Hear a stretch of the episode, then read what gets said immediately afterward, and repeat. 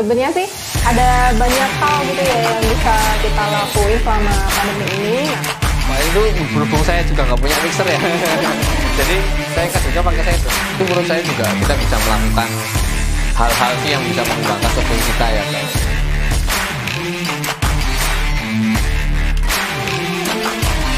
Ngobrol asik. Ngobrol asik bareng Ilva.